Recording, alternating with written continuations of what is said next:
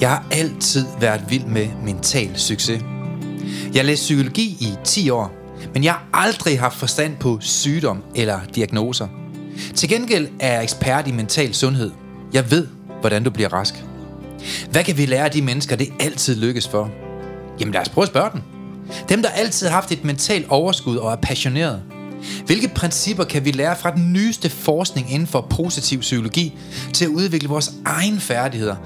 Brugbar viden, som du kan bruge i dit eget liv til at føle dig bedre tilpas, selvsikker og glad. Mit navn er Søren Lynge, og du lytter til podcastserien Mental Succes. En serie, hvor vi går i dybden med, hvad du præcis kan gøre anderledes for at smile mere, grine mere, leve mere og sætte fokus på de smukke ting i livet. Også når der er modgang. Velkommen. Hej Søren. Hej Per. Jamen, øh, vi er her igen. Yes. Og øh, ja, som du kan se, er der ikke gæst med i dag. Nej, det har også undret mig. Der er klingende tomt. Det er der. Men jeg har, jeg har en frustration, jeg er nødt til at vende med dig. okay. Og det har jeg, fordi at øh, der ligger flere ting bag, men den ene mm. er det der med angst. Jeg kan Ja, godt tænke mig, at vi, øh, vi skal snakke om angst i dag. Jeg tror også, der er en 400-500.000, der kæmper med det. Jamen, der er mange, der gør det, og det er det, jeg fandt ud af, fordi man kan sige, nu har jeg jo været til det ene og det andet, til fødselsdag, og det ene og det andet, og skal til konfirmationer, og det ene og det andet på den måde. Mm. Men det, der er, når man sidder og snakker med folk, så er der en overbevisning om, at man ikke kan gøre noget ved det. Siger folk det? Ja. Altså, jeg hørte også nogle gange... Nu er jeg, for, jeg har også lige været til konfirmation, Ja. Per. Nå, Oh, jo. hvordan kan det? Og det gik rigtig godt. Jeg vil sige, han er ikke, han er ikke sådan... Han er ikke så kvik i skolen, så han har virkelig brug for en god, sådan, god oplevelse. Og det fik han. Altså, virkelig, virkelig. Er det Jeg- dårlige karakterer, det hele? Ja. ved, du, ved du, hvad der er med karakter i dag? Ja. Altså, dengang jeg var, dengang jeg var teenager, der kan du få 0,3. Mm. Så var det virkelig dårligt, ikke? Men ham her, han sagde, han har fået minus 3. det er kæft, mand. så er det nærmest dummere, end da du kom. Ja. det er simpelthen en ny karakter. så sygt nok. super ærgerligt. Men ellers, jamen, vi sad i kirken, det var super godt. Øh, og ved du hvad, så midt i, vi sidder i kirken til konfirmation, mm. ikke? Jamen altså, verden den er, er lav i dag, Per. Så går der simpelthen en mand op midt under prædiken mm. og tænder en smøg med et alderlys. Okay. Altså, jeg blev simpelthen så forskrækket, jeg tabte min bajer. Ej, hold mand. Ej, stop, det er løgn. Men Per, oh, ved du, hvad verdens mindste kirke er? Nej. Altså, du ved godt, Sankt Peterskirken, det er en af de største kirker i verden. Ja. Kæmpe, altså verdens suverænt største kirke. Men ved du, hvad den mindste kirke er? Nej. Det er kondom. Der er kun én ståplads, og klokkerne, de hænger udenfor. Så, den er lille, i hvert fald, ikke? Så, så er ligesom i gang. Du har i hvert fald ikke angst for jokes. Nej. Men apropos frygt og, og, og kirke og konfirmation og sådan noget, Per. Ved du, hvad definitionsbegreb er på forfølgelsesvandvid? Nå. Det er at sidde på første række i folkekirken. Og så er den der fornemmelse af, at der sidder nogen bagved dig. Ej, det skal lige sige, det mente jeg ikke. Nu, Det mente jeg nu skal vi lige... Apropos, at der var faktisk rigtig mange folk i folkekirken, Ja. og det gik faktisk rigtig godt. Jeg synes faktisk, det var mega hyggeligt. Jeg mm. optog faktisk en sådan en salme. Jeg synes faktisk, det var rigtig smukt. Jeg synes, det var rigtig godt, og jeg synes, øh, præsten havde noget virkelig relevant samfundsmæssigt mm. øh, altså budskab i alt det her, ikke? Og det handler også meget om det her med, hvordan får man et godt liv. Det handler ja. om meget gode værdier. Mm. Så jeg er for konfirmation på. Jeg synes, det er fedt. Ja. Og derudover så er kirken altså stuende fuld. Ja. De gange, jeg var der. Ja, det er meget det var fedt. fedt. Ja, det var smukt. Men øh, tilbage til den Men du, er, du er så, jamen, det er typisk dig. Jeg går i kirke, og du er bare til fest. Ja, til det er noget med noget øl og fest, og jeg sidder i kirken og... Ja, uden øl. Ja. Men øh, i hvert fald fest. øh, men nej, det, det er sådan oplever, Ja. når jeg sidder og snakker med folk. Mm. Så er det, øh, der er en kommentar, jeg får, som for at være helt ærlig, provokerer mig lidt. Ja. Eller det gør den, den provokerer mig meget faktisk. Mm. Øh, og det gør den, fordi man får sådan en kommentar, at din angst kan ikke have været særlig slem. Og altså, oh, hvis man okay. så, hvordan jeg havde det dengang, Er du galt, mand? Ja. øh, Mm. så, blev, jeg- så blev jeg faktisk frustreret, men jeg blev også ked af det over, egentlig at få den kommentar, fordi jeg har knoklet for ligesom at komme om på den anden side af det. Ja. Ja. Øh, og når jeg siger angst, så var det altså angst, hvor at, øh, det var så øh, invaliderende, at mm. jeg ikke kunne gå ud af sengen. Altså nogle gange, jeg er på vej ud af sengen, lige kom mm. ned et par trappetrin ned, så begyndte jeg simpelthen at ryste i hele kroppen. Jeg havde sådan, at jeg skulle besvime, og jeg havde svedtur, mm. og jeg havde hovedpine, og øh, må lægge mig ind i sengen igen, og brød sammen. Når man har det sådan der, så får sådan en kommentar, så bliver man sgu provokeret af den. Jamen, jeg synes også, du sagde dengang, at det der med at bare gå ind i en netto Ja, ja, ja. og handle, det kunne ja. du ikke på grund af angst. Nej, og det var jo, øh, man kan man sige, det var fordi, det kørte helt af sporet. Mm. Så lige pludselig bliver man angst for angsten, og man skaber alt muligt andet angst, og man ja. øh, får bygget mere på, og man får ikke håndteret noget. Så til sidst så er man jo bare på overarbejde rent mentalt konstant, og man får aldrig slippet angsten. Nok. Man får aldrig ro i nervesystemet. Mm. Øhm, og det var egentlig det, der var, jeg synes, der er interessant, fordi jeg hører jo så rigtig, rigtig mange, der så snakker med, at man kan jo ikke bare slippe af med det, man kan jo ikke selv styre det. Så siger man, du kan da selv være med til at styre dine tanker, og hvordan du handler, og hvad du gør i livet. Ja. Jamen, sådan er det jo ikke. Det er jo ikke mig, der bestemmer, hvad der sker. Mm. Jamen, hvem er det så, der bestemmer, hvad der sker? Jamen, det er jo min krop. Jamen, du har jo stadig, du kan jo regulere rigtig meget kroppen, og hvordan du tænker, og hvordan du agerer. Ja. Og du kan sammensætte hverdag, hvor du ikke stresser dig selv. Mm. Altså, så der er jo masser af ting, du kan gøre. Ja. Men hvad, er det, der skal til for at... Jeg skulle til at sige, øh, man kan sige, vi ser det jo også hver dag her. Mm. Vi har masser, der kommer ind i starten, der tænker, at det ikke de kan blive sat fri af angst. Men vi ser det jo hver dag, det kan man også se på jo. Altså det, der er jo fantastisk ved at sidde her, det er jo, at, at den metode, der er udviklet, mm. øh, som, som... Jeg har en helt anden tilgang til Ja. det her. Altså hos mange mennesker, andre fagfolk, der er der mange, der går og bilder folk ind, du ikke kan ændre på det. Ja. Det synes jeg, det er det største skam på jordkloden. Altså, det er jo fuldstændig løgn. Du kan 100% styre dine tanker. Jeg, jeg stiller faktisk spørgsmål næsten til alle mine foredrag. Hvem styrer egentlig dine tanker? Mm. Og når folk de der tænker sammen i 3-4 sekunder, så siger de, "Jamen, det gør jeg. Ja. Nå, hvis du styrer dine egne tanker, så kan du også styre, hvordan du tænker. Ja. tænker du Ja. ved. Altså, længere er den jo ikke. Men, men, men det, det, jeg tror, det er på grund af uvidenhed, at mange mennesker Ja. de har angst. For har de vidst bedre, så har de handlet bedre. Ja. Det er også uvidenhed, at man, man går konkurs. Fordi har du vidst bedre, så har du handlet bedre. Altså, hvis du vidste, hvordan du undgik en konkurs, så tænker jeg, at du har gjort det. Ja, man kan sige, det er jo, og det er jo det, der er i det. Fordi jeg ved jo i dag, øh, at angst er en naturlig del af mennesket. Vi vil alle sammen have angst i en eller anden form, men man skal lære at slippe det igen, og man skal lære at regulere det igen, og man skal lære at få ro i nervesystemet igen også. Men, men angst er også sundt, Per. Ja. Der er ikke noget vejen med angst. Der er mange, der har fået sådan et, et, øh, et til, øh, altså tilhold til angst på en måde, hvor de frygter det nærmest ikke. Det skal mm. man ikke. Altså angst er jo sat ind som en mega-service, Ja. ja. at vi lige skal være opmærksom på, at der er et eller andet her, vi lige skal prøve at tænke lidt over. Altså hvis du går ned i Thailand, i bare tager en skov, så kan du godt få en eller anden, øh, sådan en af fornemmelse af, at der er et eller andet galt. Mm. Ej, der er født koberslanger her. Og så kommer der angst ja. i hjernen, og så altså, er det meningen, du skal handle på et eller andet Ja. og gøre noget, og dermed kan du flytte dig fra angsten. Mm. Du skal jo være proaktiv og gøre et eller andet ved det, kan man sige. Så angst er jo bare et serviceorgan for hjernen. Ja, jeg tror, det er den forståelse. Det er den forståelse der, det der med, at, fordi det er jo sådan, jeg tænker i dag, hvis, hvis jeg oplever, at jeg får det der, hvor hjertet lige banker lidt ekstra, Ja. så går jeg jo ind og tænker, okay, hvad er det, der har lidt hen til det her også? Hvad, det, der var, hvad var det, der var for inden, der lidt hen til det her også? Ja. Fordi man kan sige, øh, når jeg skal op og stå og snakke foran mennesker, Mm. der kan jeg stadig lige få hjertebanken inden. Ja. Fordi det er ikke naturligt for mig at stå og snakke foran mennesker. Nej. Så jeg kan godt lige få det inden, men jeg ved jo godt, det ikke er farligt. Men, men jeg har jo trænet folk i over otte år i at regulere ja. og styre angst. Ja. Øh, og det kommer jeg også til at lære i dag. Mhm. Alle, der vil lære det her, kan lære det her. Mange gange så handler det bare om øvelser. Men ja. du har jo selv lært det. Ja, ja, man kan sige, det er jo... Øh, Da du kom i forløb hos mig, jeg ved ikke, det, det er en tre år siden, men der lærte du jo 100% hvad du præcis kunne gøre anderledes dag for dag. Jamen, og jeg, jeg synes jo, du var...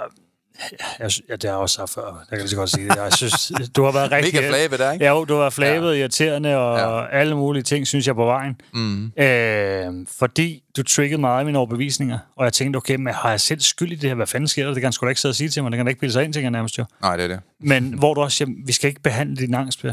Nej. Vi skal behandle de udfordringer, de ting i dit liv, som gør, at du overhovedet i det hele taget bliver overbebyrdet rent mentalt, ja. Så du netop kan komme ud af stress, angst, depression.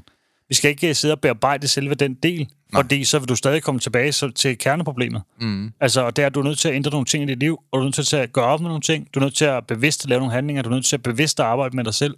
Ja. Og så en anden en også, som folk ikke forstår.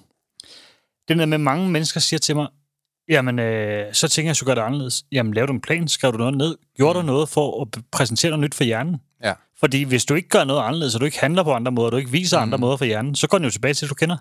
Altså hjernen, den er bare en tryghedsnarkoman. Lige præcis. Den elsker bare det, den altid har gjort, og lige snart du præsenterer noget nyt for hjernen, så den prøve det af. Lige ja. med det samme. Og der skal man jo gå ind og tage kontrollen, men hvis man forstår, hvordan man skal lede hjernen, det er jo det, jeg træner folk i hver dag, så kommer du til at gøre det. Og hvis du mm. bruger det samme metode, som alle andre har lært, og som virker for andre, så virker den også for dig.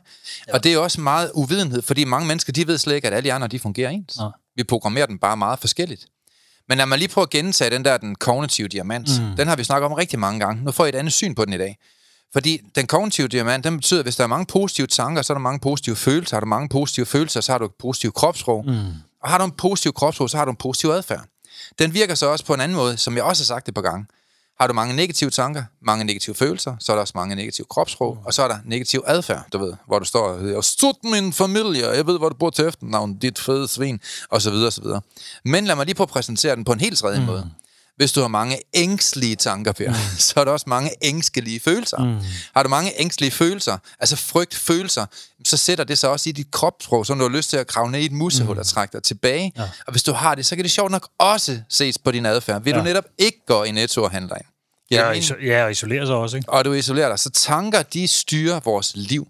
Og tanker er som udgangspunkt alt eller intet omhæng, omkring uh, resultater i dit liv. Ja, fordi når jeg sidder og tænker over det, så var det jo, angsten kom jo af alle mulige forskellige ting. Det var jo ting, jeg ikke har håndteret, eller ikke har lagt plan for, eller ting, jeg ikke gjort noget ved. Mm. Det var det, der var grundkernen i det. Ja. Så kunne man få angst af alle mulige andre ting, som lige pludselig ikke noget med det at gøre. Ja, ja. Men det var jo også det med, hvis, det er helt basalt, helt simpelt, helt mm. hverdagsniveau. Hvis jeg ikke havde, jeg havde ikke fået lavet indkøbslisten, der skulle ned i den dag, hvor det var rigtig værst. Ja. Så jeg havde ikke lavet planlagt, planlægning inden, så jeg vidste ikke helt, hvad jeg skulle have, og åh nej, hvad nu hvis, og det ene og det andet. Ja. Øhm, når det så går op for mig efter, da jeg begynder at håndtere de ting, der ligesom var, mere mm. og mere og mere, problemer og vilkår, få styr på dem, give slip på de ting, der ikke gør noget ved, og så handle på de ting, jeg faktisk kunne gøre noget ved, Ja. så havde jeg jo ikke behandlet angsten til sidst. Nej. Men det, der var sket, det var, at jeg havde fået, ligesom fjernet grundkernen for, at det overhovedet skulle være der. Nemlig, ja. Og det var det, der er hele forskellen. Du gik jo ikke ind og sagde, nu skal du gøre sådan her i forhold til din angst, nu skal mm. du gøre sådan her i forhold til din angst. Mm. Ikke decideret. Du gav mig nogle, øh, nogle øvelser, der jeg kunne bruge faktisk, i forhold til noget handling. Ja, det er jo øvelserne, der, der, der lærer folk, hvordan de skal håndtere tanker. Det er Ja. jo ikke tankerne, der skal styre dig, det er dig, der skal styre tankerne. Der er nogen, der fuldstændig misforstår den. Ja. Og så vil jeg sige, den tilgang, vi i Danmark har til det, den her med mange behandlere, de vil have folk til at analysere fortiden, det Ja. hjælper os ingenting. Nej. Altså, det kan godt være, at det lindrer en ting, at du får lov til at forstå nogle ting, som du ikke har forstået før. Men at du sidder og bruger fem måneder af dit liv, eller 10 år af dit liv på at sidde og forstå noget, som er sket, som du ikke kender på alligevel, den mængde af tid kunne du lige så godt have brugt, for at få, altså, brugt på at få nogle mentale værktøjer. Ja, fordi det var også det, jeg kunne have siddet. Jeg, det har jeg jo gjort. Jeg sad jo, da jeg kom op til psykologen, der skulle genomtræning. Mm. Der sad vi jo snarere om angsten. Hvordan, hvordan var den tilgang egentlig? Fordi nu tror jeg, at en det- tredjedel af Danmarks befolkning, de har været til en psykolog. Jamen, så blev det alt muligt med min far. Hvad er han med sagen at gøre? Ja, det tænkte jeg jo også, og det sagde jeg også til den sidste, at man kan simpelthen ikke finde nogen logisk forklaring på, hvad fanden han skulle med det at gøre, at jeg ikke kunne handle, han har ikke noget med, overhovedet med det at gøre. Nej. Nej, men jeg kan jo bare se, der har været din journal, sådan og sådan med din far. Mm. Så det har aldrig været noget med det at gøre, det har ikke været noget problem før. På det tidspunkt bliver et problem, det er lige pludselig, jeg vejer meget mere. Ja. Så det var jo angsten for, hvad andre tænkte om, hvor meget der lå i. Og det var angsten mm. for, at øh, om jeg fik smerter, jeg faldt om. Altså sådan nogle ting. Ja. Der, og, og det var angsten for ja, alle mulige forskellige ting, som ikke var rationelt. Men, men mange af de ting, jeg tror, der gav dig øh, angst dengang, Per, det var fremtidstanker. Ja, ja, 100 procent. Og jeg kan huske, at øh, jeg, jeg er nok den... Jeg, altså, nu skal jeg ikke sidde og prate af noget, jeg ikke reelt ved noget om. Men jeg vil tro, jeg har i hvert fald aldrig hørt nogen psykologer eller nogen andre behandlere i hele Danmark tale omkring den opfindelse, jeg lavede for otte år siden, hvor jeg sagde, jamen din hjerne kan ikke kende forskel på tid, længere mm. er den ikke. Så når du sidder og tænker frem mod ting, hvor du ser et skrækscenarie, og præsenterer det for din hjerne, at du kan falde om nede i netto, mm. så fordi din hjerne kombineret med to ting. Punkt 1, den kan ikke kende forskel på tid, den kan heller ikke kende forskel på fiktion eller virkelighed. Så når du sidder og præsenterer et scenarie, hvor du kan falde om dernede, mm. så tror hjernen rent faktisk på, at det kan ske, og den føler faktisk, at det sker lige nu. Det var jo det, der var i det, fordi lige snart jeg kom to skridt ned ad trappen, Jamen, så begynder du allerede så at var, der. det var allerede der, så var det som om, jeg var der netto, det hele Ja. skete, og jeg kunne, mm. man kunne ikke kende forskel det. Det, der var en af de ting, du faktisk også sagde til mig, er der noget musik, du rigtig godt kan li- kan lide, du ved, der får dig til at slappe af. Fyr nu det Ramstein på. Nu var det ikke lige Ramstein. Men da jeg så skulle ned og handle næste gang, så gjorde jeg faktisk det der med egentlig bare at have musik i ørerne, gå ind, Ja. ja. og jeg lavede en indkøbsliste, så giver jeg ned. Mm. Men det, der var i det, musikken fik mig ligesom ud af det, så jeg tænkte faktisk ikke på, at jeg skulle være angst. Men da jeg så kom ud og kommer hjem derfra, så har jeg ikke tænkt over det før flere timer efter, at jeg Nej. ikke har reageret. Men lad mig give dig en vigtig nøgle i forhold til den opfattelse, ja. Ja. du fik der. Fordi det er jo rigtigt nok, du skulle forstå det på den måde. Ja. Men hvis du er nærværende, kan du ikke have angst. Nej. Kan du følge mig lidt? Altså, Ja, det er 100 procent. Og alle mennesker kan lære at være nærværende. Det, Det- det, er det- det, jeg træner folk i hver dag. Og alle kan lære det. Det, det er det ikke et spørgsmål, man kan lære det. Det er et spørgsmål, du vil lære ja. Ja. det.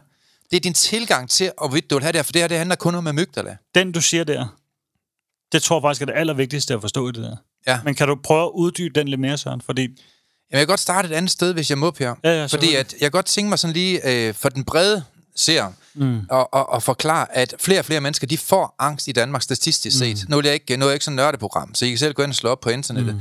Men flere og flere, de får angst i Danmark. Øh, og jeg har jo en helt anden tilgang, som vi allerede har afsløret lidt nu. Jeg mener jo, at stress, det kommer kun af bekymringer, mm. og stress består af angst. Mm. Angsten for ikke at række til. Angsten for ikke at være god nok. Angsten, hvad sker der, når mm. et eller andet, du ved, fremtidsscenarie. Angsten for dit. Angsten for, øh, hvad tænker andre om mig og sådan mm. noget, ikke?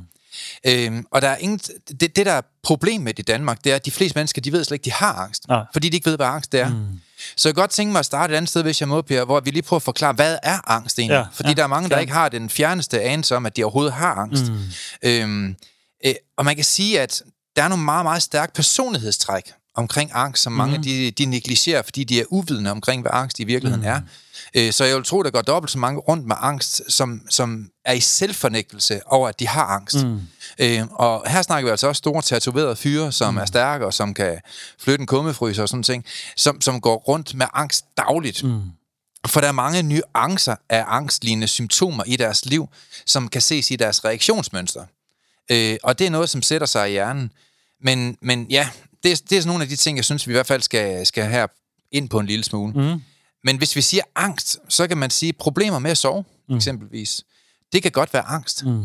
Øh, når eksempelvis man oplever at være mentalt overrendt af grublinger og mm. bekymringer. Jeg har trænet jer alle sammen før øh, derude i Danmark, at når man tænker tilbage på ting, som er sket, så grubler vi. Mm. I hvert fald i lyngemetodens verden. mm. Og når vi tænker frem mod ting, der ikke er sket, så bekymrer vi os. Bare lige for, at der er den her definition. Og det her, det forstyrrer altså vores søvnrytmer. Ja. Hjernen kan ikke finde ro, hvis der ikke er styr på herrechefen. Det er noget, vi, dem af jer, der ikke har hørt øh, podcasten her før, Mental Succes, det er noget, som du kan høre i nogle af vores ældre udsendelser, eller høre på vores foredragsshow, når jeg besøger Danmark øh, hver måned i alle store byer. Der lærer man de her ting, mm. og der lærer vi jo fra at de her værktøjer gratis.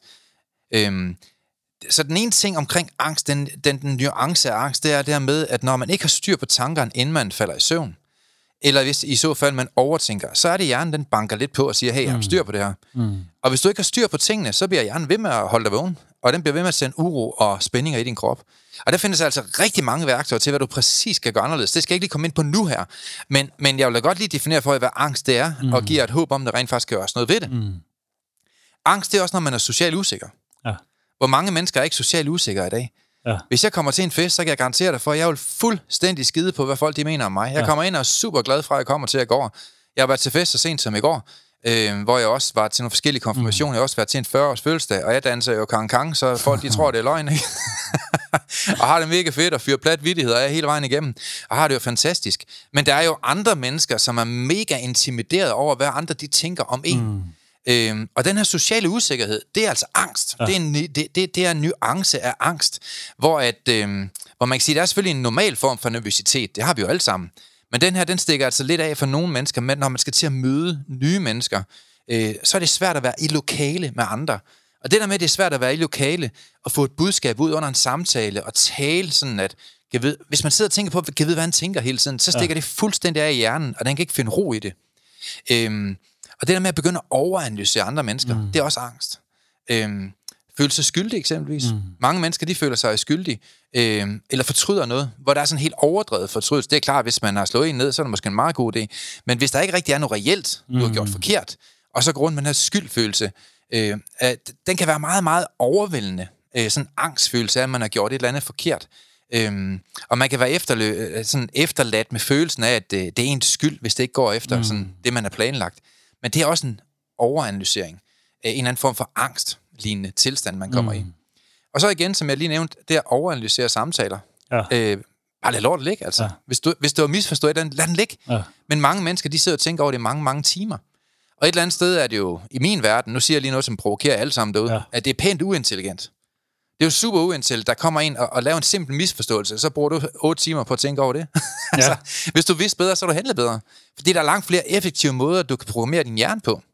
Og du kan også skabe større resultater. Og jeg ved godt, jeg provokerer selvfølgelig folk lidt Ja, med ja. vilje, Per. For det gør jeg for at få dem op af stolen. Fordi ellers ja. så sker der altså ikke en skid i deres liv. Så er de også bare angst igen næste år. Det var jo en af de her ting, der også provokerede mig, det du sagde der. Var det? Ja, okay. Ja, Ja, jeg ja, kan også ja. forklare bagefter, bagefter hvorfor.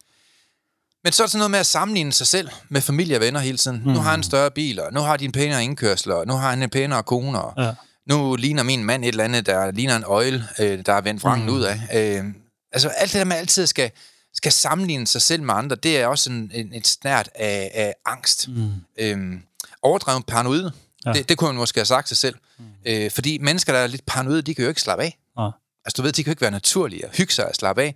Der vil altid være en anden form for øh, situation, øh, hvor man føler, at det kan gå galt, mm. eller man ikke følger en anden form for plan. Øhm, Og der kan man sige, at de tanker, mange mennesker har, Per, de overskygger glæden af at være menneske. Ja. Og når man ikke kan finde ro indeni, så har man sådan en konstant følelse af angst. Og det vil jeg tro, at den 800-900.000 danskere, de har. Mm. Så mange de begynder så at undgå socialisering. Mm. De øh, bliver simpelthen væk fra festen. Og øh, de tager andres meninger alt for seriøst. Mm. Øhm, og de er besat af detaljer. Mm. Fuldstændig overanalysering af samtaler og ligegyldige detaljer fylder deres hjerne. Øhm, og, og måske har en forstørrelse, øh, sådan en, en forstørret fokus på fejl. Mm. Og specielt ens egen fejl. At der rækker jeg nok ikke til, at hvad nu hvis de tænker det, og hvad nu hvis det, og hvad nu hvis det Det er jo altid fremtidstanker, mm. det her kan man sige. Ikke? Og så i, i hele så kommer til at frygte for fremtiden. Man får sådan en sådan uvidshed, sådan en utryghed for fremtiden, for krigen og for økonomien og for øh, hvordan kommer det til at gå, og kan jeg bestå min eksamen og dit og dat. Og, og det er bare en stor, konstant mm. angst. Og hvad der sker, Per, sådan resultat af alt det her, det er, at man bliver mentalt udmattet. Fuldstændig. Hjernen, mm. den overproducerer milliarder af tanker.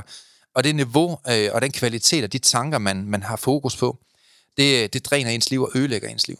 Og som jeg har lært jer alle sammen, og som jeg godt lige vil strege under igen, alle hjerner, de, eller alle, undskyld, alle dine tanker kommer fra din mm. hjerne. Og alle tanker, de er fuldstændig neutrale, indtil du tillægger tanken en værdi eller en betydning. Og når du værdisætter en tanke, så værdisætter du en tanke ud fra, hvad der er vigtigt for dig. Mm. Hvad du har lagt betydning i. Og hvis du vælger rationelt eller ubevidst at lægge en masse betydning i, hvad andre tænker, hvad de gør, hvad de siger, hvordan det kommer til at gå, og en masse fremtidstanker, så er jeg ked af at sige det, så udvikler du angst. Mm. Og hvis man kan tænke sig syg, så kan man også tænke sig rask. Det er ja. det, lyngemetoden den går ud på. Det er at give mentale værktøjer til, hvordan du i et struktureret forløb kan tænke dig rask. Og det er det, jeg træner folk i hver dag, og det virker hver gang. Kan der være noget øh, opvækst, gens bestemt? Er der noget, øh, der, mm.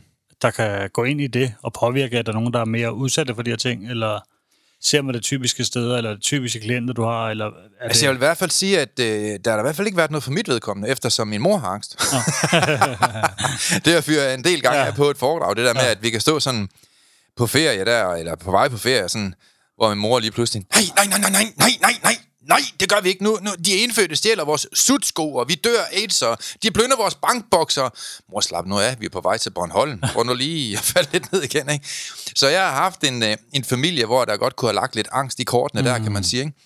Men øh, det er i hvert fald ikke præget af på mig, vil jeg sige. Jeg er nok noget af det mest rationelle menneske, man mm. kan finde her på moder, moder jord, eller hvad man kalder det.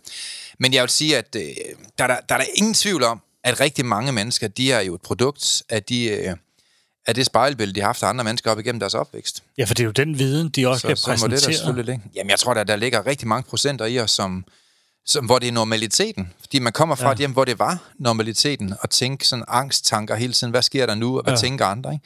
Jeg vil bare sige, at, øh, og det kan jeg simpelthen ikke sige nok til dem af jer, der er derude. Du spilder tusindvis af timer på det her hver dag. Ja, fordi Tusindvis jeg, jeg kan timer. afsløre sådan lidt kort, uden at nævne navnene, og uden at der skal lede hen til os, men vi havde en direktør også, som er virkelig præsterende i København. Men øh, problemet var før, var han ikke særlig effektiv, fordi han havde sindssygt, sindssygt meget angst i forhold til det her mm. også. Indtil han ligesom får styr på sin angst, og så ja. præsterer faktisk langt, langt, langt bedre. Men han har jo, ja. hvad kan man sige, han har jo fungeret delvist i angsten, mm. men når han kom hjem fra arbejde, så, så var det jo invaliderende, ikke? Jo, men jeg tror slet ikke selv, han kunne se, at han havde angst. Nej. Der er mange voksne mænd, der slet ikke kan forstå de angst. Mm. Men nu kan du tage sådan en som uh, Trine, som lige har sendt os et screenshot, inden vi gik i gang her i dag. Hende, fik jeg, hende mødte jeg sammen med hendes mor. Hun er, jeg tror, jeg ved ikke, om hun er 28 år gammel, kom mm. med hendes mor på vores foredrag. Var det i Aarhus eller et eller andet? Ja, jeg tror, det er Aarhus, ja. Det er også lige meget. Men de kom op til mig bagefter, hvor moren hun siger, det, det allervigtigste for mig i mit liv, det er, at min datter hun bliver sat fri for angst. Mm. Det har hun levet med mange, mange, mange år, altså fra ja. hun har været 12. Så det har altså været utro 16 år måske, mm. hvor hun bare lever med angst. Og vi har prøvet alt, og nu vil vi gerne prøve lyngemetoden, for det er den eneste metode i Danmark, hvor du får værktøjer dag efter dag. Mm. Og i dag er hun sat fri. Og jeg tror, det er tre måneder siden, at hun, øh, hun meldte sig til. Og i dag så får hun 12. Øh, hun ja, er ved uddannet sig som sygeplejerske, og simpelthen ja. fået 12. Og jeg, jeg snakker med hende, og hun siger, at jeg har intet angst i mig mere. Det, det er definitivt væk. Jeg har ikke noget angst mere. Men jeg tror også, hvad kan man sige, det jeg synes, der er forskel på mig nu, det er, at jeg er mm. mere løsningsorienteret, jeg er mere handlingsfokuseret. Jeg sidder ikke altid og nøser alle følelser, jeg mærker. Mm. Det er en anden ting også. Og det er jo ikke, fordi man ikke... Man må gerne føle alting. Ja, ja. Ikke det? Ikke Men det er, hvordan man følelser. bearbejder det, og hvad man gør ved det. I stedet for, at der kommer en ting ind, så skal du ikke slå hele verden ud, at der mm. kommer en ting ind. Man er simpelthen nødt til at gøre nogle ting, der sikrer en selv generelt, og det er jo også i hverdagen. Mm. Fordi, øh, som jeg sagde før, der var nogle ting af de der, der provokerede mig rigtig, rigtig meget, de ting, du sagde. Ja. Fordi øh, et eller andet sted var det jo, fordi skylden kom over på mig selv. Mm. Ja, ja. Ja, ja. Og jeg har jo været vant til, mm. at øh, angst, det var jo ikke mig selv. Nej, Det var jeg jo ikke skyldig. nej. Så skal jeg lige pludselig faces med, at jeg måske har noget ansvar i det selv også. Og der ved jeg, at der sidder nogen derude, der bliver sindssygt provokeret af det. Ja. Men man har altså ansvar selv for det. Der er ikke nogen, der redder en, og det, og det er det, der også gjorde for mig dengang. Der er ikke nogen, der kommer og gør det for mig. Man kan sige, du kan hjælpe mig, du kan guide mig, Mm. du kan øh, sætte værktøj i min retning, hvad jeg skal gøre, men man er jo nødt til at lave arbejdet selv, og man er nødt til at lære at forstå, at man så har øh, mulighed for at komme ud af det der. Men der er mange mennesker, Karl, af kampvogn for herning, du ved, der ikke har skyggen af ansvar for den livssituation, ja. hun, livssituation, hun har sat sig selv i. Sidder der og overspiser hver dag, og sidder ja. dybt angst. Og som jeg også sagde til en af mine gamle klienter, det er da meget muligt, du siger, du har angst, men jeg kan se, du har ikke angst for bageren i hvert fald, mand. men det må være selektiv angst, du ja. har. Nej, det, det er selvfølgelig en joke, jeg fyrer af, og den fyrer selvfølgelig kun af til de øh, klienter, jeg har, der rent faktisk kan holde til det, ellers så har jeg jo en helt normal session som alle mulige andre. Ja, Men, fordi og- det, jeg sagde så også, at du var nødt til at gå lidt til mig. Ja. Øh, fordi at, øh, jeg havde været rigtig meget psykolog gennem tiden, så, mm. Mhm. og, og der var det ikke kommet den vej, det skulle. Øh, så jeg sagde også, at du skulle gå lidt til mig. Men det bliver man også nødt til, fordi at, prøv lige at forestille dig at være din hjerne nu, Per. Mm. Kontra hvis vi spoler tre år tilbage. Det har ikke været særlig sjovt for din hjerne. Den er jo blevet programmeret af dig til at overtænke alt og analysere Ja, ja. alt. Ja. Nu, nu er den kommet ind i en, i en anden type hoved med nogle andre værktøjer. Ja. Med en, en anden forståelse, med en anden viden. Med en andre intelligente tilgang til. Med nogle mentale værktøjer, som du er blevet trænet i. Mm. Og lige nu vil jeg antage, at det er lidt mere rart at være din hjerne. Ja, Der er meget det. mere ro. Altså, der er nogle gange helt slukket. Det er aldrig Ja. ja. at ske. Nej, Øh, og det er jo men det, der er fantastisk. Det er jo den egenskab, mange mænd har, inklusive mig selv. Jamen, og, og det er det, der er, fordi de, jeg har jo en diagnose på ADD. Øh, men altså, nogle gange, øh, der, der tænker jeg, der kan jeg godt sidde og ikke tænke, og Ja. ikke føle, og ikke og bare være. Mm. Og det er jo fuldstændig utopi og urealistisk og alt muligt, har tænkt for et par år tilbage. Men det handler jo om, at øh, når der ligesom er nogle ting, så får jeg enten håndteret dem, eller parkeret dem, eller gjort, hvad der skal gøres ved de tanker, der nogle gange kommer op. Så når der er noget, så tager det jo også med det samme. Det ved du også, hvis vi har et eller andet på kontoret, en opgave, Det er så, nødt til. så kontakter og spørger mig det samme. Vi har ikke tid til alt det andet pjat, jo. Nej, og det er også en, jeg virkelig har skulle lære, det er, Mm. øh, når folk siger, "Jamen, har du noget imod mig, eller har jeg gjort noget galt? Så siger, hvis du har gjort noget galt, eller synes du har gjort noget galt, så siger jeg det selv til dig. Men nu kan du bare se, at Malene, vores klient i dag, Ja, Marianne eller hvad hun hed, jeg kan ikke huske det. Det er Malene. jo ikke en, jeg kender. Malene. Malene, ja. Hvor du ringer og vil snakke om hende, hvor jeg siger, drop det, jeg gider ikke snakke om hende. Ja. Ring hende. Ring til hende. Så Ja. ja. Der Lige præcis. er ingen grund til at snakke om hende. Nej, og, og Hun det, forandrer sig ikke, at vi sidder og snakker om hende. nej, og det er det, der er i det. Øh, og, og den, den, skal den har jeg også skulle lære, den der. Fordi så har jeg tænkt, det kan ikke være rigtigt, det kan ikke være min fejl. Men det er også lige meget, det er min fejl. Det er fuldstændig ligegyldigt. Det skal løses. Det skal der var et eller andet jo. med hendes app, der ikke virker, så hun Ja. ikke kunne se vores program i dag. Lige præcis. Og det sker Øh, aldrig herfra. Nej, og det, det, det viser så åbenbart, at det er en ud af tusind. Øh, så jeg skal faktisk have fat i udvikleren. Ja, okay. Øh, men, men det er jo det. Altså det der med, at vi tager dem- tingene mm. med det samme. Men der er også mange, der har svært ved det. Det Men det er med, fordi, de aldrig har lært det, Per. Jamen, det er jo det, fordi jeg havde det jo med min hvor jeg siger, på, hvis jeg har problemer med dig, så siger jeg til dig selv. Ja. Jamen, vil du gøre det? Så siger jeg, er du i tvivl om det? Jamen, hvem skulle Ja. du ellers sige det til? Ja. En lokal ko. Fordi det er jo det der med, Hvis du skal og sige det, det, kan til jo den, også der være hårdt, at gøre, kan man sige. men hvis, hvis du fucker ting op og gør ting, der ikke er i orden, mm. og folk ikke siger det til dig omkring dig, og Ja. siger det til alle mulige andre i stedet for os, så skal du overveje, hvem venner er. Jeg vil hellere have sandheden at vide af folk, og få den direkte, så man kan håndtere den til den, mm. øh, end at man står der øh, fedt og rundt i tingene. Og, og der kan det ja. godt være, at jeg nogle gange er blevet meget direkte i forhold til, hvad før. Ja. Ja. Og det gør jeg i hvert fald ikke før. Men det gør også bare, at jeg tager det ikke med mig, når jeg går derfra. Men sagsomkostningerne, de bliver jo også hurtigere at afvikle. Lige præcis. Altså, hvis man er i Schweiz, Ja. og du kører over for rødt, og du laver en eller anden forseelse, så får mm. du bare en bøde med det samme, og de kommer ud og afregner med det samme. Hvis du laver den i Danmark, så skal den ind forskellige igennem nogle administrationer, ind forbi en anden administration, ind forbi en økonomisk afdeling, så er nogen, der sender en regning ud til dig på e-boks, og så er nogen, der skal se, om du har betalt og sådan noget. Den går jo igennem 10.000 hænder, før du har fået pengene ind. Ja, hvis man tænker med en tanke sådan der også. Sådan er det jo også med tanker. Ja. Jo mere du skal behandle en tanke, og jo mere fokus du har på en tanke, jo mere kommer den til at fylde. Mm. Men det, der er problemet, det er, når vi, når vi associerer en tanke til at have noget med frygt at gøre, så er det en service for den måde, Gud han har skabt os på, mm. og så ryger den op i amygdala. Mm. Og amygdala, det er jo vores lille center for frygt i hjernen. Og lige snart en tanke kommer derop, så forholder amygdala sig ikke til, hvorfor den er der. Nej. Men den ved nu, at det er en frygttanke, ellers har den ikke været der i første mm. omgang. Og når en amygdala-tanke, den, den bliver bearbejdet, så sender amygdala, vores hjernes center for frygt, en masse signaler ned til vores centralnervesystem, som sætter hele vores krop i alarmberedskab. Mm. Og det er jo super smart, hvis der er noget at være bange for. Ja. Det er jo fantastisk. Mm. Det er jo en service. Så angst er super godt. Angst det er jo noget, som får os til at få adrenalin i kroppen, mm. og der sker en masse ting i vores krop, der gør, at vi kan reagere hurtigt og prompte på nogle ting. Eksempelvis, hvis der er en bil, der er ved at køre ud foran os. Mm. Bum, du får angst lige med det samme, og du reagerer meget hurtigere. Mm. Og det fungerer super godt, når du kører race, som jeg mm. gør øh, på Nyrebaneringen og forskellige steder i verden. Øh, McLaren, øh, hvor vi trykker ned dernede på nogle lånte biler, har det sjovt. Der fungerer angst og stress jo super mm. godt, for vi reagerer jo meget hurtigere, kan man sige. Ikke? Men når vi har det i hverdagen, og man går og bilder sin hjerne ind og sine tanker, at det er farligt at gå ind i en bus, så sker den samme kropslige mm. reaktion. Mm. Den sætter en masse signaler til amygdala, som sætter os krop i alarmberedskab. Og der skal vi huske på, at vores krop, vores hjerne, kan ikke skelne mellem fiktion og virkelighed. Ja. Så om du siger, der er en stor bunke papir op på dit skrivebord, du går op af femte sal, hele vejen op, så er du allerede træt af stress, inden du kommer op og kigger, om den overhovedet er der. Ja. Så reaktionen i din krop sker allerede, inden du overhovedet kigger, om der er en bunke mm. papir. Bare du forestiller dig, at den er der. Og på samme måde er det med angst. Angst det er jo en service, hvor du skal være kaptajnen på eget skib. Og hvis du går og bilder din krop ind og din hjerne ind, at der altid er noget galt, og det, er, det hele er et stort alarmberedskab, jamen så kommer du jo til at leve sådan hele tiden. Mm. Og det er jo det, der er forfærdeligt ved rigtig mange mennesker. Det er jo, mange mennesker i uvidenhed tænker sig syge hver dag. Mm. Og det er ved at blive et meget, meget stort samfundsproblem, som koster os rigtig, rigtig mange milliarder af kroner hver dag. Og det er jo forfærdeligt, at, at, at der er så mange hjerner, der går rundt uden en leder. Mm. Og et eller andet sted, så skal din hjerne altså føle sig trygt, trygt i dit lederskab. Ja. Så det, her, det handler ikke kun om angst, Per. Det handler også om, at du skal være en god leder for at styre dine egne tanker. Og det er der ikke ret mange danskere, der lærer i folkeskolen. De lærer det heller ikke på videregående uddannelser. De lærer det heller ikke øh, hos de forskellige kendte behandlere, som er i dag. Og der er ikke nogen statskroner, der giver penge til, at man skal lære det. Og så udvikler jeg så lyngemetoden, hvor jeg tænkte, jamen det kan ikke passe, at man kan gå til behandling i Danmark, betale sygesikringen, eller ens læge, og så sker der ikke en skid. Man har angst fem minutter efter, og man har også angst fem år efter. Mm. Der, der er ingen udvikling. Så tænker jeg, man må da kunne udvikle en metode, som for hun i luften kan træne folk i at undgå angst. Mm. Og derfor udvikler jeg lyngemetoden. Og vi har ikke haft en utilfreds kunde endnu. Nej, det er sindssygt nok jo. Og man kan sige, at jeg har jo selv gået vejen. Ja, øh, du lærte det. Jamen, det er jo det. Og, og det du er jo... meget, meget rationel menneske i dag. Ja, det, det vil jeg sige. Altså, der...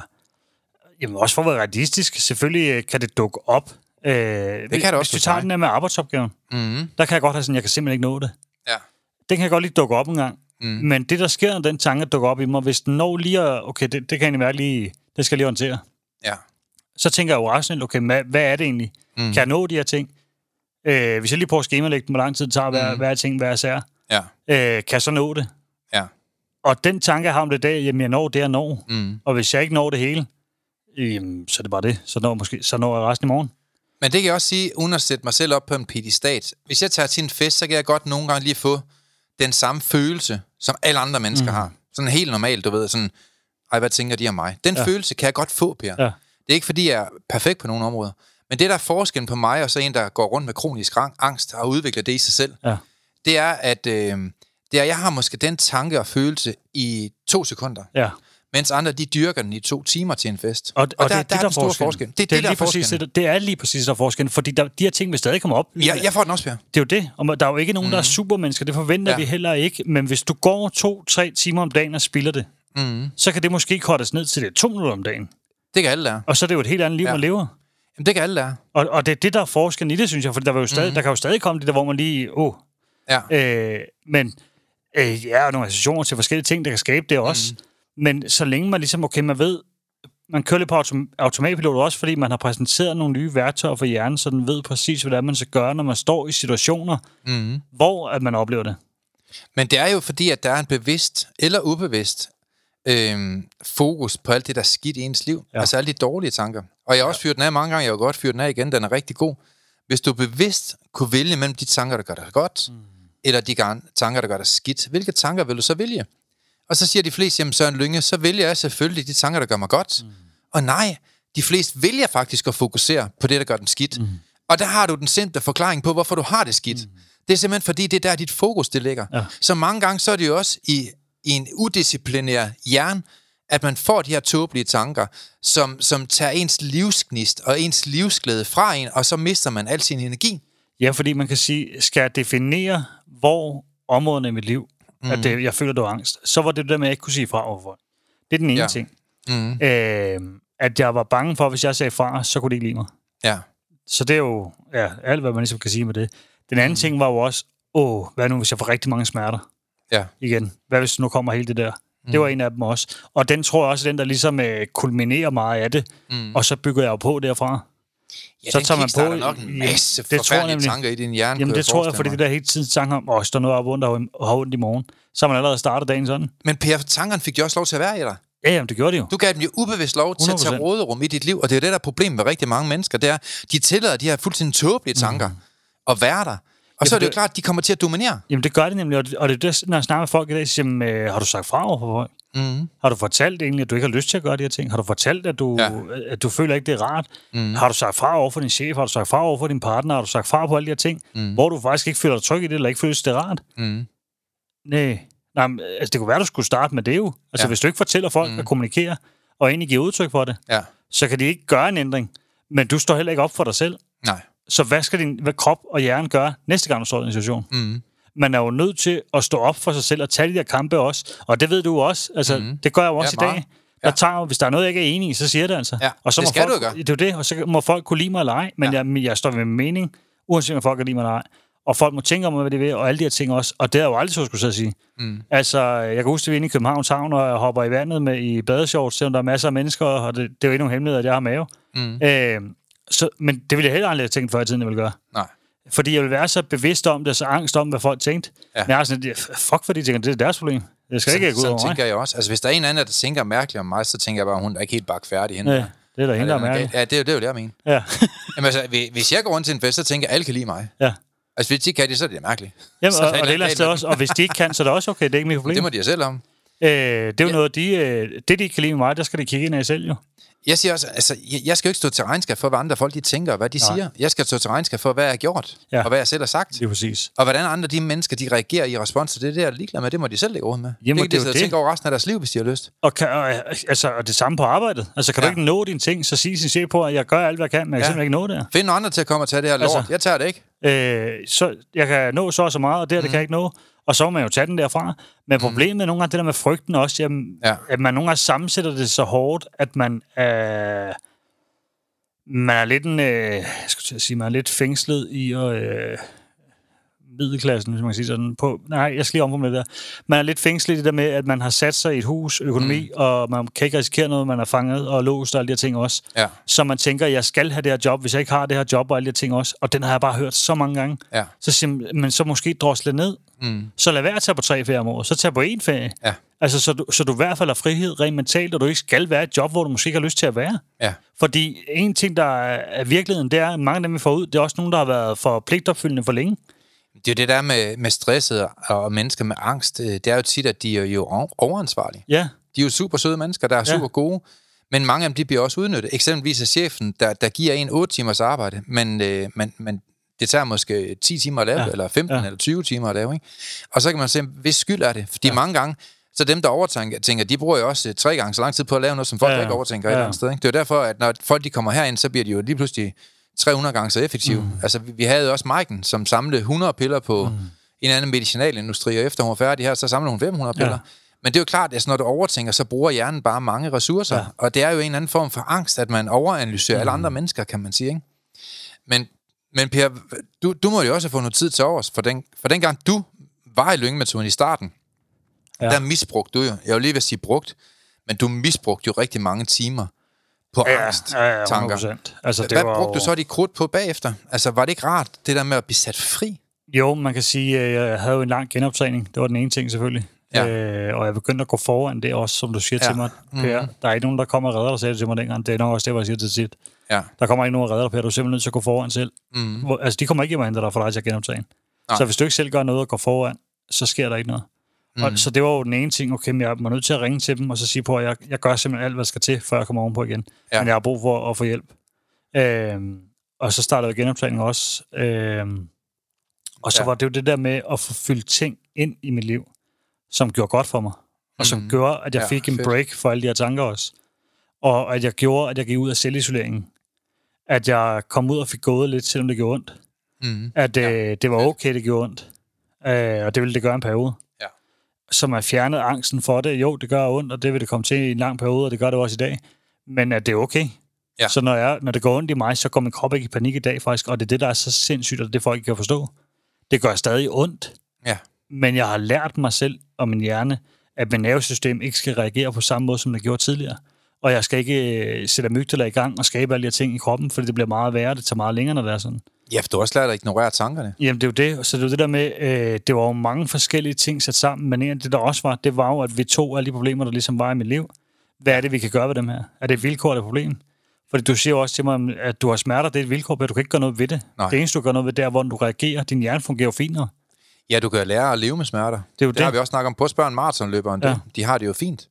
Det er jo det, og det, så det der med at, at lære at tage tingene en af gangen og få styr på de ting, der var, som triggede og udløste min angst, ja. Var jo det, der skulle være- vejen frem. Og så en anden ting også, det var, at øh, der skulle sorteres ud nogle relationer også.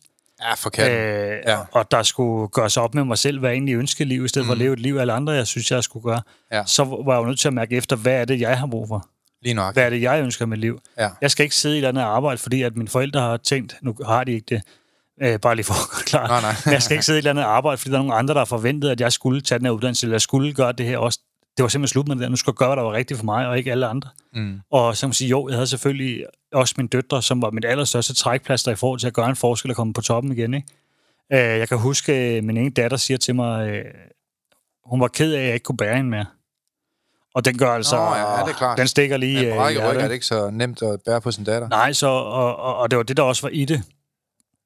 Så når man får de her kommentarer, så er det jo klart, så det skaber en masse en. Okay, kommer til at gøre det igen, og alle de her ting også. Men så er der så mange andre ting, du kunne sikkert. Det er jo det, men jeg tænker også sådan mm. lidt, hvis jeg ikke gør alt, jeg Ja. overhovedet kan, Mm. og øh, virkelig kæmper for det her også, og virkelig øh, gør, hvad der skal til, Ja. så må det også blive bedre, uanset hvad, på en eller anden måde. Mm, ja. Øh, for bevægelse i kroppen også, selvom det går ondt, kom ud, og så gik jeg jo langt. I det første halve år, der gik jeg rundt med krykker, men bare det, jeg kom ud og gik 300-500 meter, og kom i kold, eller varmvandsbad og sådan noget også, gjorde, at jeg lige pludselig begyndte at få herskab i det. Okay, men jeg kan faktisk styre noget. Jeg kan være med til at styre min hjerne og tage kontrol igen, så jeg ikke bare lever som en eller anden øh, radiobil. Men jeg tænker Øhm. også, at tanker kan jo gøre os raske. Jamen, det er jo det. Fordi, tanker og viden. Det er er derfor, det. jeg siger uvidenhed. Ja. Det, det er uintelligent at blive ved med at gå med den sygdom, man har i tankerne i flere år. Jamen, det ville jeg jo have gjort. Det, jo, det var jo alternativet, Det fordi er stort set alle danskere. havde jeg ikke startet herude, ja. Ja. jo, så har jeg haft den samme viden, og jeg har gjort det samme, som jeg har gjort det sidste Det er jo sørgeligt. Ja, før det. Før øh, jeg kom til skade også. Men også da jeg kom til skade, så havde jeg jo levet ja. sådan her resten af livet. Ja. Og så havde jeg været på førtidspension i stedet. Det er der ingen tvivl om. Fordi Men- det var det, de regnede med dengang. Og tænk på, hvad det har kostet vores samfund. Ja, ja. Nu kan du se, nu havde vi jo den her skønne Mads. For dem af jer, der ikke kender Mads, så kan I gå ind på mine sociale medier. Han ligger på min væg. Ja. Øh, højst sandsynligt, ja, det er selvfølgelig, at når man hører den her udsendelse selv, så ligger der nok en anden en. Men, men jeg tror, at hver 14. dag ligger vi jo en person, som virkelig har haft angst og Ja. stress.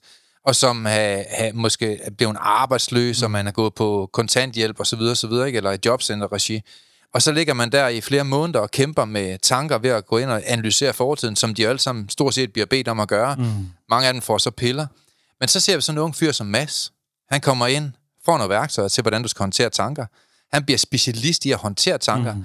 Hvordan sorterer du den? Hvordan prioriterer du den? Hvad skal der til for at tænke sig selv rask? Ja. Så begynder han at udvikle tanker, hvor han får kontrol over amygdala. Mm. Han lærer at styre øh, tiden inde i hjernen, så han kun bruger tid på at være nærværende. Og når han tænker frem mod ting, der ikke er sket, så har han nogle teknikker til, hvordan mm. han gør det. Han har nogle teknikker til, hvordan man lærer at finde læring og finde mening i noget, der er sket i fortiden, ja. og dermed lære at give slip på det. Ikke igennem 10 år, men igennem 10 minutter.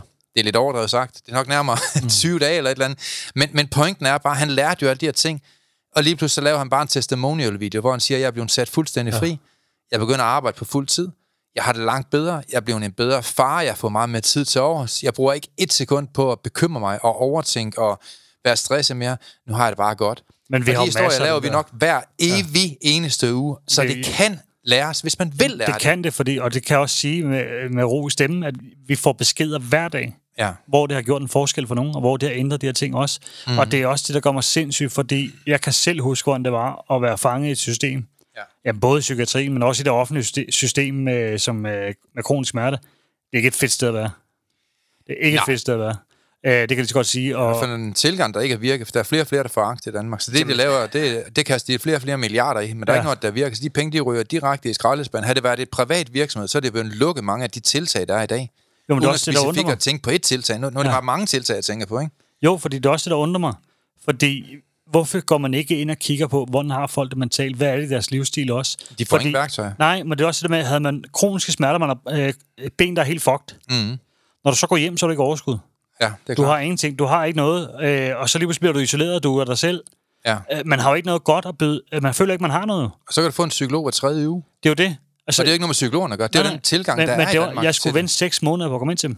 Jamen, det var fuldstændig. Havde, da jeg så endelig, hvad kan man sige, så startede jeg op herude før, fordi havde Ja. jeg ikke gjort et eller andet, så er jeg hoppet ud fra anden sal. Det Og så går man ned og tømmer et apotek i stedet for. er jo lige præcis Og det. så støtter man en, en, en medicinalindustrien, som, som åbenlyst heller ikke virker, eftersom der er flere og flere, der får stress, og flere og flere, der får angst. Så har det virket, så er det jo fair nok.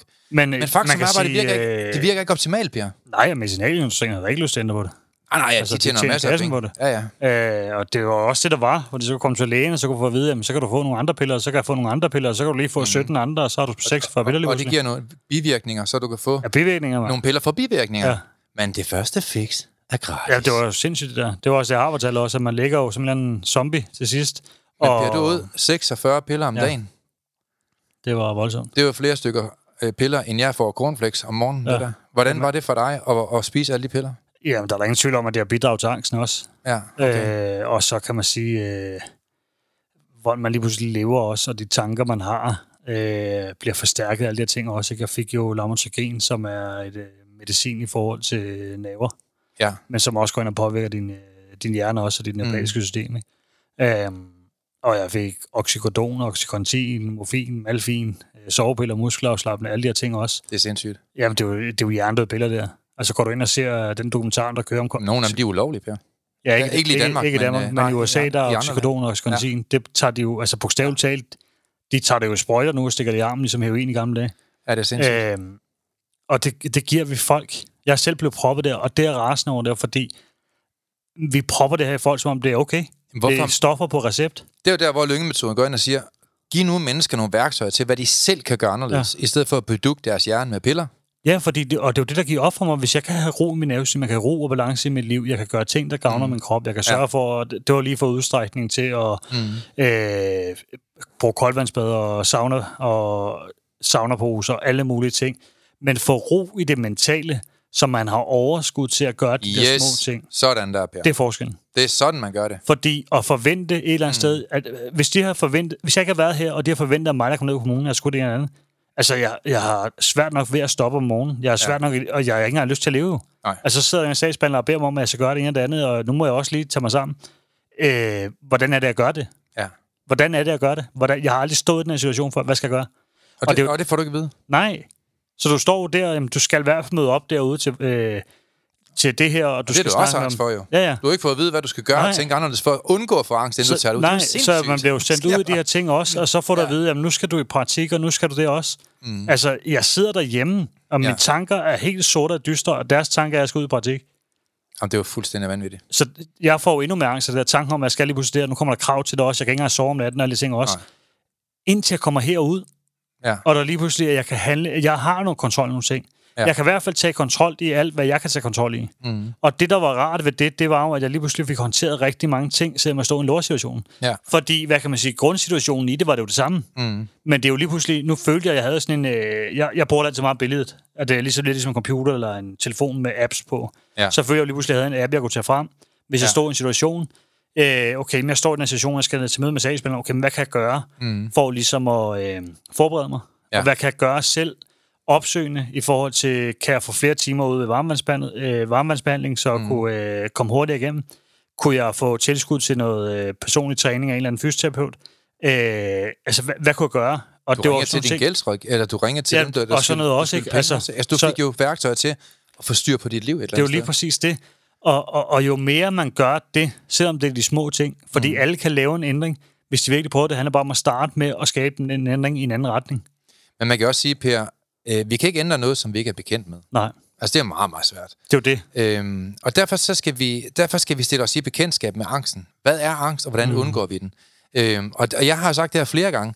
Jeg har jo været op på psykiatrisk afdeling mange gange, hvor jeg har været op og spørge, hvad, hvorfor er du her? Mm. Hvor lang tid har du været her? Og ved du, hvordan du har fået din sygdom, hvordan du undgår den? Og der er jo ikke en, der kan svare på det. Jamen, det vil jeg heller ikke kunne for tre år siden. Nej, så Jeg hvis vil- jeg spurgte dig, ved du, hvorfor du får angst, og hvordan du undgår den, så vil du svare nej. Nej, det er bare noget, der, vil- det er jo bare noget, der sker, siger- vil jeg nok bare sige. Ja, du er nok heller ikke tro, du kan ændre på det. Nej, jeg, nej, nej, det havde jeg jo ikke. Men- Men, den overbevisning. Men jeg er så stolt et eller andet sted af, af hvad der sker lige nu, øh, både i dit liv mm. og i mit liv. Også måske for lige at dele det med jer derude. Fordi vi kommer til at lancere Danmarks suverænt største og mest effektive program for at undgå overtænkning, bekymringer, stress og angst. Det har vi allerede nu, Ja. men nu kommer vi til at forbedre det. Øh, og vi har søgt mentaltræner, fordi vi mangler folk Ja. til at håndtere det at formidle vores værktøjer ja. til andre mennesker, fordi vi har mange efterspørgseler. Og hvad jeg er stolt af, nu kommer jeg til det, det er, at der er rigtig mange sygeplejersker, der melder sig på. Ja. Øh, man kan, man, alle kan blive mentaltræner, øh, hvis de vil lære de her værktøjer, og, og lære at formidle lyngemetodens værktøjer, og dermed kunne leve af det. Så, så jeg har en lille bønd til dem af jer derude. Hvis du er træt af et 8-4 job, og du tænker, hey, i stedet for kun at lytte til de her podcasts, så vil jeg egentlig godt være med til at dele en aktiv mm. indsats i den. Jeg vil godt være med til at gøre en kæmpe forskel mm. i Danmark. Jamen, Så kom og overvej at blive mentaltræner, mm. for vi mangler virkelig mentaltræner. Jo. Og jeg synes jo, det er smukt det der med, at, at der er flere og flere, der, hvor det går op for dem igennem vores foredrag, mm. Per, igennem den her podcast. Hey, jeg vidste ikke, man kunne få mentale værktøjer, mm. og nu vil jeg gerne have dem. Men jeg kan jo ikke sidde over for 5.000 mennesker hver dag Ja. og give de her værktøjer. Så jeg har brug for mentaltræner, der siger, jamen jeg vil egentlig godt arbejde måske på deltid og tage den her uddannelse, så jeg kan lære at formidle de her værktøjer. Ja, Ja, for- Og derigennem kan vi jo træne mange, mange tusind. Ja, for det er jo netop det der. Man handler ud for den viden, man har. Yes. Og, og det er også det, der... I skal ikke være hårde ved jer selv, når I sidder derude. I handler ud for den viden, I har, og det gør Nej. vi alle vi andre også. Der er også ting, hvor folk vil tænke, vi ikke er særlig gode til ting. Altså, det vil der jo også være, men vi handler ud for den viden, vi har på det område. ja. Øh, og, og det er sådan, det er jo. Så lad være at tage den til jer, som om I har været nogle fjolser eller andet, for den hører man også. Mm. Nej, du har ikke været fjols. Du har handlet ud for den viden, du har. På Ja. det tidspunkt, du handler ud for det. Ja. Så, så du gør ligesom alle andre. Mm. Men forskellen er, om du tager et aktivt valg og gør noget andet. Jeg tror bare, der er flere, der skal komme til den erkendelse, at jeg kan faktisk selv lede mit liv i en, i en rask retning. Jeg kan få det bedre. Jeg kan gøre mig selv rask mm. i måden, jeg tænker på. Jeg vil sige også det der med mentaltræner og sygeplejerskerne, det der med, jeg tror, der er rigtig mange, der gerne vil gøre en forskel, men ikke ved, hvad de skal gøre. Jamen, så skal de gå ind på mentaltræneruddannelsen.dk. Det er meget simpelt. Men, men det tror jeg også grundlæggende, tror jeg, vi ønsker et eller andet sted. De fleste mennesker ønsker for hinanden. Mennesker, der har det godt med sig selv, Ja. ønsker også for andre mennesker, de har det godt. Ja. Så jeg tror, som udgangspunkt også, så har man fået andet ned over hovedet, at vi er nærmest ligeglade med hinanden. Det tror jeg faktisk ikke, vi er som mennesker. Men jeg tror, der sker sådan en lille revolution i Danmark. Jeg ja. Tror, der er flere og flere, der kommer til at sige, prøv at vi vil have nogle mentale værktøjer. Mm. Og, og der, der står vi jo klar med programmerne allerede ja. Nu på lyngemetoden.dk, men, men, men vi udvikler hele tiden. Ja. Og jeg elsker det nye program, vi er ved at lave. Det er ligesom de gamle programmer, mm. men, men, men vi gør den bare bedre og bedre og bedre ja. dag for dag. Det er jo ikke noget, folk de kan se bag om kulisserne. Men, men måden, at vi giver mennesker værktøjer på, og måden, det fungerer på, og de teknikker, folk de får til at komme i fuld kontrol af deres mm. egne tanker, således at man, man mindsker stress, angst, depression, overtænkning og bekymringer, det har jo bare vist sig at give mennesker et langt bedre liv. Og dig, der vil lære det, du kan lære det. Mm. Og det er ikke, fordi det skal koste penge. Du kan bare gå ind på lyngemetoden.dk, så klik på den øverste knap, der står der få gratis mentale værktøjer. Så allerede du kan lige nu sige, nu må jeg tage ansvar for mit liv. Nu er jeg gået rundt her i to år, eller to måneder, eller ti år, med overtænkning og bekymringer, og mange af de ting, der er omkring angst, det kan, det kan jeg mærke, det påvirker mig. Mm. Jamen fint, så gå ind og få nogle gratis værktøjer. Det er jo derfor, vi har lavet dem. Jamen, og det er også, netop som du siger der med angst, det påvirker, fordi det gør det jo, fordi man hører den hele tiden. Og folk har en idé om, at man ikke kan gøre noget ved det. Og det er den, der frustrerer, ikke? Jeg håber, at i dag i hvert fald, øh, gør, at det går op for nogen. Okay, jeg kan mm. faktisk gøre noget ved det her. Nu vil jeg i hvert fald give nogle konkrete eksempler mm. på, øh, på, på nogle ting, man kan gøre. Ja. Så øh, Jeg kan godt tænke mig, at vi slutter med, mm. at du lige får givet et eller andet super godt råd i forhold til, Ja, hvis man det. kæmper med angst derude. yes. Lad mig give dig et godt råd, dig, der kæmper med angst. Eller har en veninde, ven, mm. kollega, der kæmper med angst. En forælder, eller hvad det nu kan være. En hund? Nej, ikke en hund. I stedet for at lytte til dine tanker, så skal du fra i dag begynde at tale til dine tanker. Man skal simpelthen øh, ikke lytte for meget til tankerne. Det er sådan, at øh, ens hjerne prøver altid en af, Per. Så for eksempel, hvis man øh, overfokuserer på den her fest, man skal til, eller den, den, der er man lidt intimideret, man er bange for, at alle folk kigger mm. på en, eller hvad synes de om, hvad jeg tænker, så er det jo hjernen, der prøver det af. Og i stedet for at lytte til de her dumme tanker her, så skal man simpelthen i talesætte sandheden til hjernen. Mm. Og det kunne for eksempel være, nu hvor jeg ikke ankommer i bare røv, så kan jeg ikke se, hvorfor der er flere, der skulle se på mig, end alle andre mennesker. Så det er der nok ikke, skal du se. Og så vil hjernen jo prøve det af nogle gange. Den prøver dig lige af, for at se, om du er en god leder. Og jo mere du i rette sætter hjernen og taler til hjernen, jo mere vil du kunne komme fremad. Mm. Nu er det sådan lidt, lidt lille råd. Når man kommer ind i vores programmer, så lærer man jo virkelig, hvordan man håndterer det her råd, så det virkelig fungerer godt. Men jeg er jo godt til at have, at I allerede nu, øh, som lytter af Mental Succes podcasten her, skal flytte med tanken om, at man kan faktisk tale til sin hjerne. Mm. For det ved jeg, at det har været sådan en, hvor folk har tænkt, det har jeg aldrig hørt om før. Mm. Nej, men det er også lyngemetodens værktøjskasse, man skal gøre det. Så, øh, og så er det andet gode råd, det kommer jeg altid med, øh, for jeg nu meldt til vores foredragsturné. Mm. Vi har jo lejet cirkusbygningen, Ja. og vi vil rigtig gerne have folk med i cirkusbygningen, og i operan for den sags skyld. Så hvis du gerne vil have en gigant stor følelsesmæssig oplevelse live, jamen så gå ind på billetsal.dk, skråstreg LM for lyngemetoden. Og så øh, få booket din billet i god tid. Mm. Vi har jo oplevet det samme og det samme, og det er, det bliver udsolgt til alle vores shows, og vi får 200 opkald, for at de ikke kan komme med. Ja, og jeg, sig, og jeg siger det hver gang. Siger, Ja, og alligevel så skal folk gøre det i sidste øjeblik. Ja, gå nu ind og bestil den billet. Hvis du tænker, du skal med, så bestil billetten. Nu siger jeg det lige, øh, fordi tit så ender det med, så skal vi til at få åbnet flere pladser, vi skal ringe rundt, og det andet finder, vi kan åbne flere. Øhm, Jeg har lokaler i to øh, konferencecenter i dag, fordi der er for tre mange tilmeldte. har du faktisk øh, Ja, så tre. øh, endte med til sidst jo. Men det kunne være meget sjovere, at vi får lov til at holde et foredrag. Og de er, vi har store foredrag, men vi har også små intime mm. foredrag, hvor der kun sidder 70 mennesker. Ja. Og hvis du har angst, så ved jeg godt, det kan være meget angstprovokerende at komme, øh, for at tage dagens tema op. Mm. Men så tag en god ven med. Ja. Tag en god øh, kollega med. Tag en, øh, en kone, øh, en, et eller andet med, som du kan lide. Et eller andet, du er tryg ved. Øh, og så kom ind og hør vores foredrag. Vi, Ja, fordi- øh, vi smitter ikke mere. Det var jo sidste år. Ja, og vi er super søde, når I kommer og tager imod jer. Ah, Per er sød. Jeg er sød. Ja. Men nej, kom ud og mød os, og så øh, Ja. ja. et lille opråb, og et Mhm. lille spark til håb om, at øh, har du angst derude, eller kender nogen, så del det lige med dem. Og det er faktisk en mental færdighed, der med at tænke frem. Mm. Det der med at tænke, hvad, kan jeg så nogle frø i dag, som jeg kan høste om tre måneder? Ja. Og jeg kan høste om et halvt år. Jeg gør det jo selv. Jeg køber koncertbilletter til allerede næste sommer. Jeg køber ferie. Jeg har allerede købt min ferie i januar. Altså mange af de ting, jeg ved, jeg gerne vil høste senere i mit liv, dem køber, dem køber jeg allerede nu, mm. mens jeg har pengene til det. Det, er- så det, jo samme præcis kan, kan folk jo gøre. Gå nu ind på billetsal.dk LM, og så køb de ting, der skal til, Ja, for at du kan komme i mål. Man tænker, ej, jeg venter lige i 14 dage før. Jamen en Og så 14 foredragsbillet, det er bare så- så små penge, ja. Plus man jo får en gratis bog, hvor man kan arbejde med sig selv, og man får en kæmpe oplevelse. Der, er jo ikke, der går ikke nogen ud af de her arrangementer, uden de er super glade og positive. Nej, det, det øhm, er super godt. det, det kan jo hente en lille smule sjovt også, det ved man ikke. Ja, der er jo en grund til det udsolgt hver gang. Men, øh, men det der med at tale til sin hjerne, det synes jeg i hvert fald, det er et genialt værktøj, og det vil jeg gerne uddybe på nogle af mine foredrag. Så, så det kan vi jo tale om, hvor stor en effekt det kan gøre i dit liv. Og det her med at være i tidszonerne, som også har været et mentalt redskab, du fik med hjem i dag, mm. det kan vi også godt øh, arbejde lidt på. Øh, der ligger meget mere i det, mm. end bare at lytte til det her. Og det at begynde at arbejde i dybden med øvelser omkring det her med fiktion og virkelighed, med at hjernen ikke kan kende forskel. Der skal man jo tænke på, at der er en stor forskel på, at I sidder derude som er passiv. Dig, der sidder derude og lytter nu, du er passiv lige nu. Og du hø- hører måske bare to gange, jeg siger den her podcast, du skal, du skal forstå, at din hjerne ikke kan kende forskel på fiktion og virkelighed. Mm. Men der er, der, er, der, er, der er en himmel til forskel Ja, på at arbejde med det her værktøj, ja, ja. med en kuglepen i hånden, og så få hjernen til at forstå nogle ting, som ændrer din adfærd.